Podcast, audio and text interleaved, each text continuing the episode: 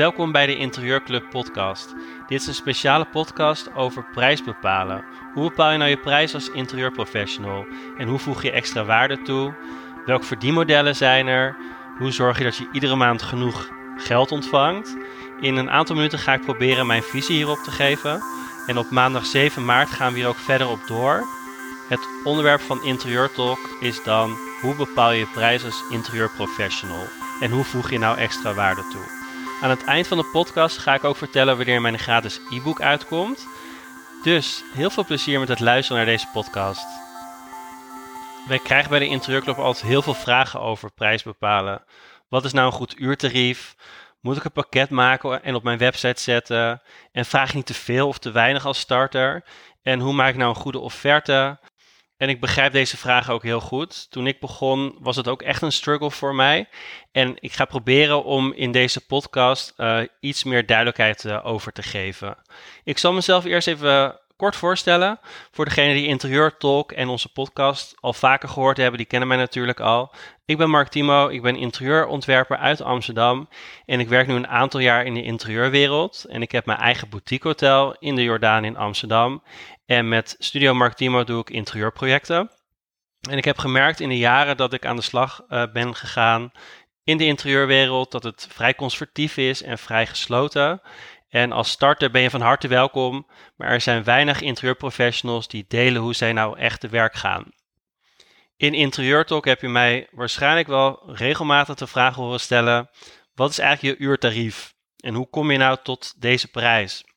En met de Interieurclub proberen wij dat te doorbreken door interieurcollega's te helpen.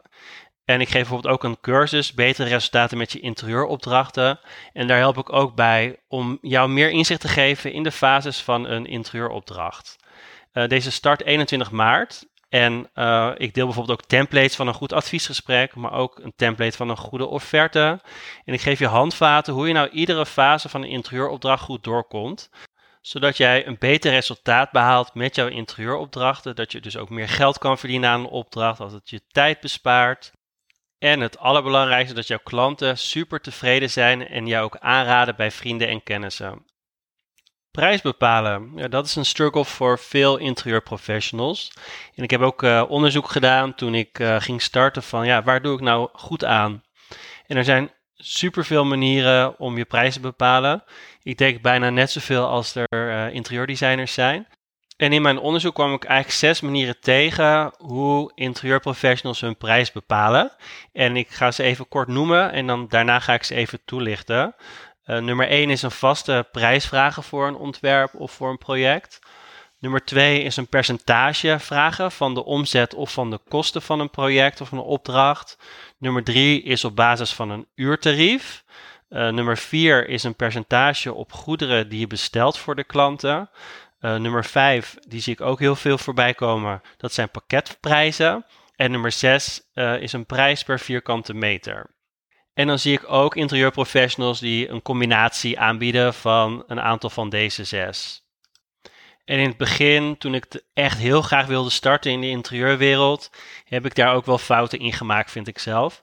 Dat ik veel te laag ging zitten met mijn prijs. Dat ik zelfs een keer met een project heb meegemaakt dat de klant vroeg: Weet je zeker dat dit jouw prijs is?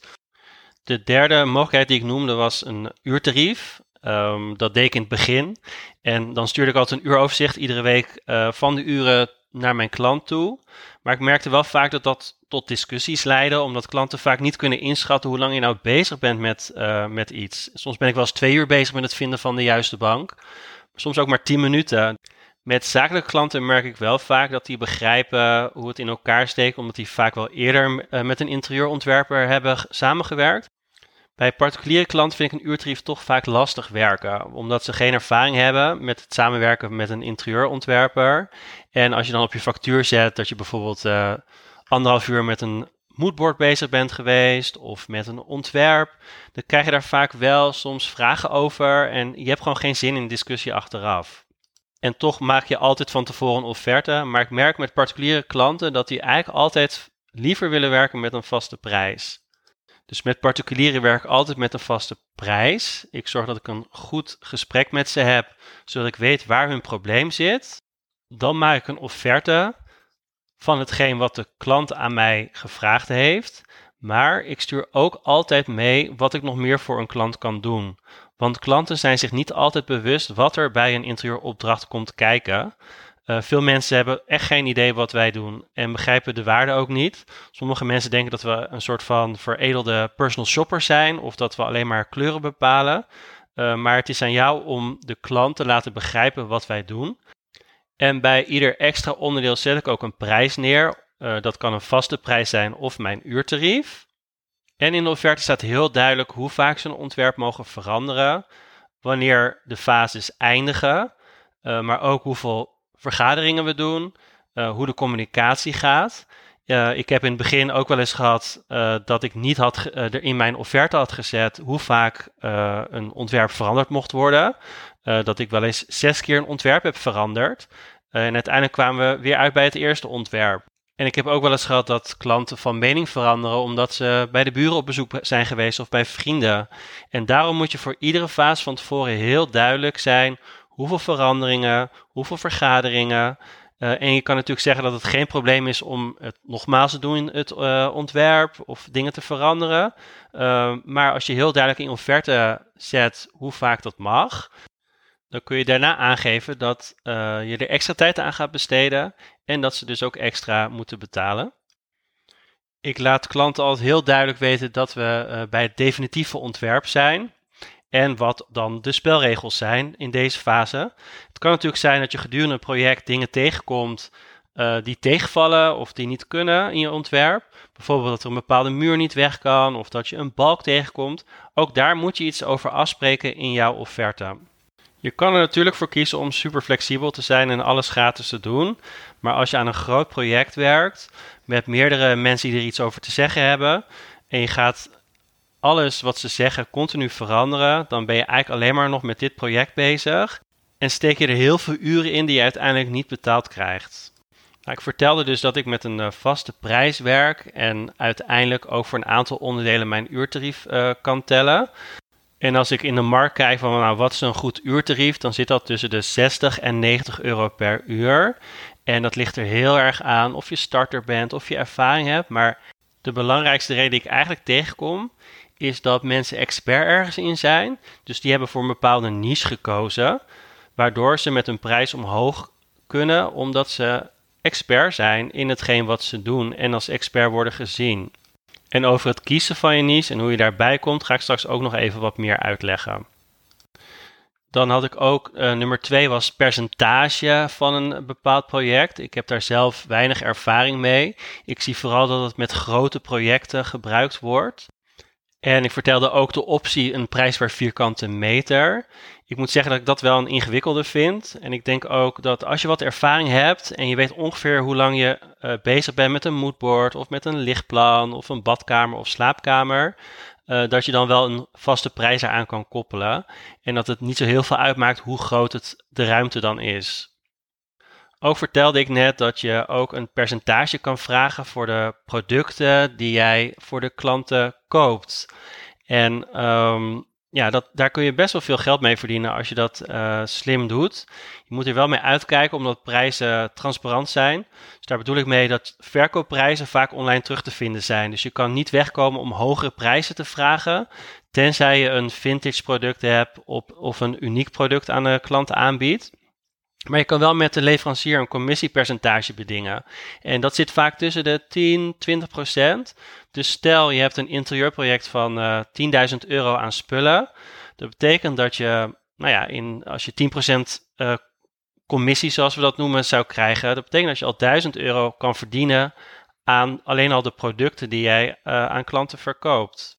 Maar ik vind wel in eerste instantie moet de klant betalen voor de waarde die jij inbrengt. En ik zie commissie eigenlijk altijd als extra, maar dat kan goed oplopen. En ik denk ook wel dat steeds meer mensen willen betalen voor een interieurontwerp, omdat het ook steeds bekender wordt, omdat er steeds meer televisieprogramma's over gaan.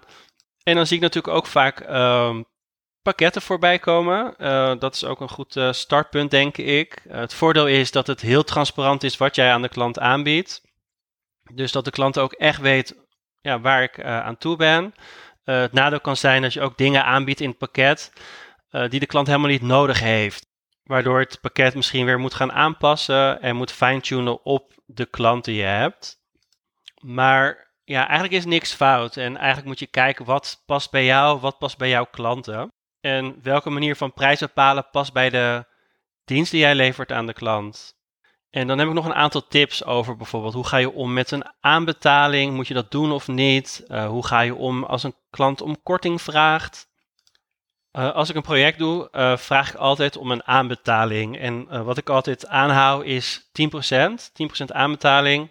Um, want als ik een factuur ga sturen pas nadat het project is afgerond, en er zit ook nog eens een betaalperiode van twee weken of 30 dagen aan vast, dan kan het zomaar zijn als ik twee of drie maanden met een project bezig ben, dat ik heel lang zonder geld zit. En je moet eigenlijk zorgen dat altijd jouw cashflow, dus uh, je, wat je maandelijks uh, krijgt, dat dat altijd op orde is en dat je iedere maand gewoon een bedrag uh, verzekerd hebt. En dit zit ik altijd gewoon in mijn offerte en ik heb eigenlijk nog nooit hier een vraag over gehad. Korting, ja, dat is ook een, een lastige. Als je heel duidelijk in je offerte zet wat elk onderdeel kost, dan is mijn ervaring, als je vraagt welk onderdeel ze dan niet zouden willen, dat ze dan niet meer over korting gaan praten, maar dan wel een soort van uh, begrijpen. Uh, en je moet je ook afvragen, ja, heb ik dan wel aan de opdracht voldaan? Heb ik wel binnen het budget een offerte gemaakt? en je kan je natuurlijk ook afvragen, is het wel de juiste klant? Omdat hij blijkbaar niet heeft begrepen wat jij waard bent. En ga er ook van uit dat het voor een klant soms ook lastig is, want je praat over een dienst en niet een fysiek product. Het belangrijkste is dat je transparant bent naar je klant en dat kun je doen door een hele goede offerte te maken. En in mijn cursus uh, heb ik ook een goede template en geef ik je ook handvaten hoe je dat nou kan doen. Verder kan ik je ook als tip meegeven om per fase van het project een factuur te sturen, zodat uh, je verzekerd bent van je geld. En het budget van de klant is natuurlijk ook een belangrijk item van je interieuropdracht. En ik denk dat de kunst van ons werk uh, zit dat jij voor elk budget iets heel tofs kan ontwerpen. En tuurlijk, het is super tof als je uh, een keer een onbeperkt budget krijgt van een klant. Maar ja, ik ben dat nog nooit tegengekomen. En ik denk juist met een beperkt budget dat je creatiever wordt, dat je mooiere oplossingen gaat bedenken en dat je out of the box gaat denken. En ik denk dat dat echt interieurontwerpen is. En ik hou ervan om verwachtingen van klanten te overtreffen. Uh, dat noemen we ook wel overdeliver. Maar als je eenmaal begint om gratis veranderingen aan een ontwerp aan te brengen of meer vergaderingen te doen uh, dan je had ingepland, dan kun je ook niet meer terug. En ik hou er zeker van om meer te leveren dan dat de klant verwacht. Ik kom ook uit de hotellerie en daar is het heel vaak de manier om gasten een nog beter gevoel te geven. Hoe leuk is het als je in een hotel aankomt bij check-in en dat je opeens een upgrade krijgt naar een suite? Het enige verschil zit hem wel in dat het hotel uh, niet per se meer kosten heeft. Maar als jij gratis uh, veranderingen gaat doen, meer aandacht geeft aan de klant, dus ook meer tijd, die uren had je ook ergens anders aan kunnen besteden. Bijvoorbeeld aan een opdracht waar je de uren wel betaald voor krijgt.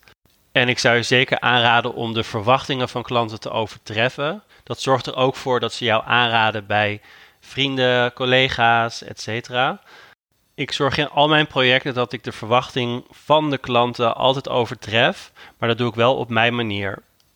Naast het adviesgesprek is de offerte ook een heel belangrijk onderdeel van een opdracht.